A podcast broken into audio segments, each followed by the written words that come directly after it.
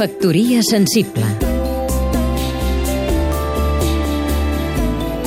Jordi Llavina, escriptor.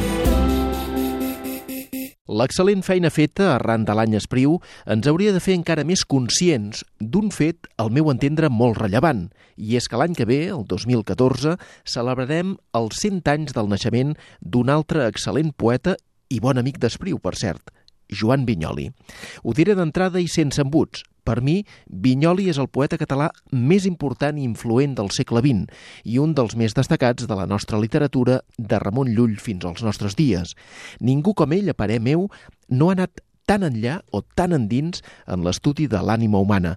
Ningú com ell no ha dit coses tan punyents amb unes metàfores tan eficaces.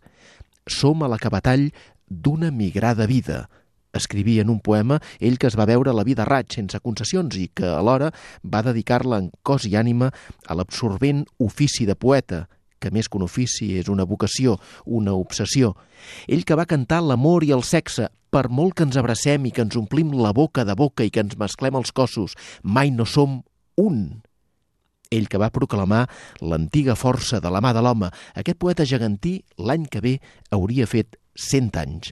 Espero de tot cor que l'any que ve, el de centenari del poeta Joan Vinyoli, tinguem tots plegats l'oportunitat de celebrar-lo de la millor manera que mereix un gran autor, coneixent-lo més a fons, penetrant-ne els llibres, admirant la bellesa de la seva veritat escrita. Factoria sensible